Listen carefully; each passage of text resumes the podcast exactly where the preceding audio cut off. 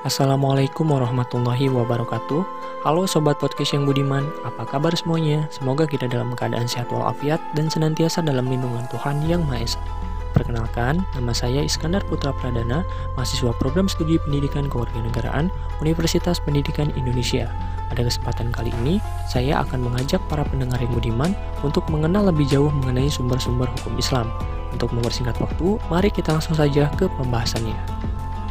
Pada dasarnya, setiap ajaran tentunya terdapat hukum-hukum yang mengikat para pemeluknya. Dalam agama Islam, terdapat beberapa sumber hukum yang mengatur hubungan manusia dengan Tuhan, hubungan manusia dengan manusia dalam dirinya sendiri, hubungan manusia dengan manusia lain dalam masyarakat, dan hubungan manusia dengan benda alam di sekitarnya. Sumber hukum Islam merupakan dasar utama untuk mengambil istinbat hukum.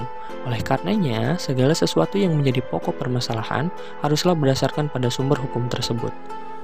Menurut Amir Syarifuddin, sebagaimana dikutip oleh Kutbuddin Aibak, kata-kata sumber hukum Islam merupakan terjemahan dari lafaz Masadir al-Ahkam.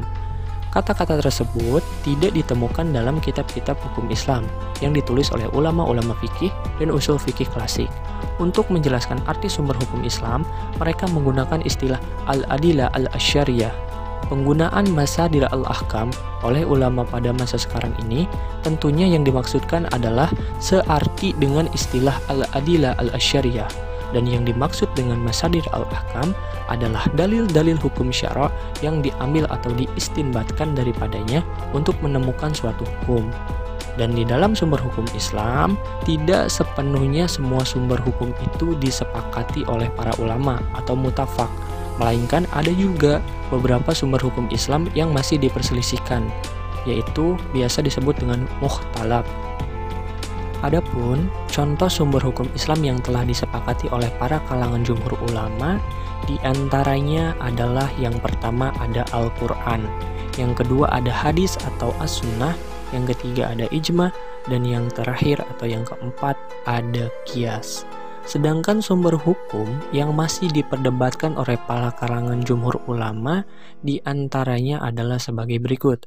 Yang pertama ada istishan, yang kedua ada maslahah mursalah, yang ketiga ada istishab, yang keempat ada uruf, dan yang kelima ada mazhab as-sahabi, dan yang keenam ada syarman qablana, dan yang ketujuh ada sad azariyah, dan yang kedelapan atau yang terakhir adalah qaul sahabi. Mungkin itu saja yang dapat saya sampaikan terkait pembahasan kita kali ini. Semoga dapat memberikan kebermanfaatan bagi kita semua dan saya memohon maaf apabila dalam podcast ini terdapat kesalahan ataupun kekurangannya. Sampai jumpa di lain waktu. Wabillahi topik walidaya. Wassalamualaikum warahmatullahi wabarakatuh.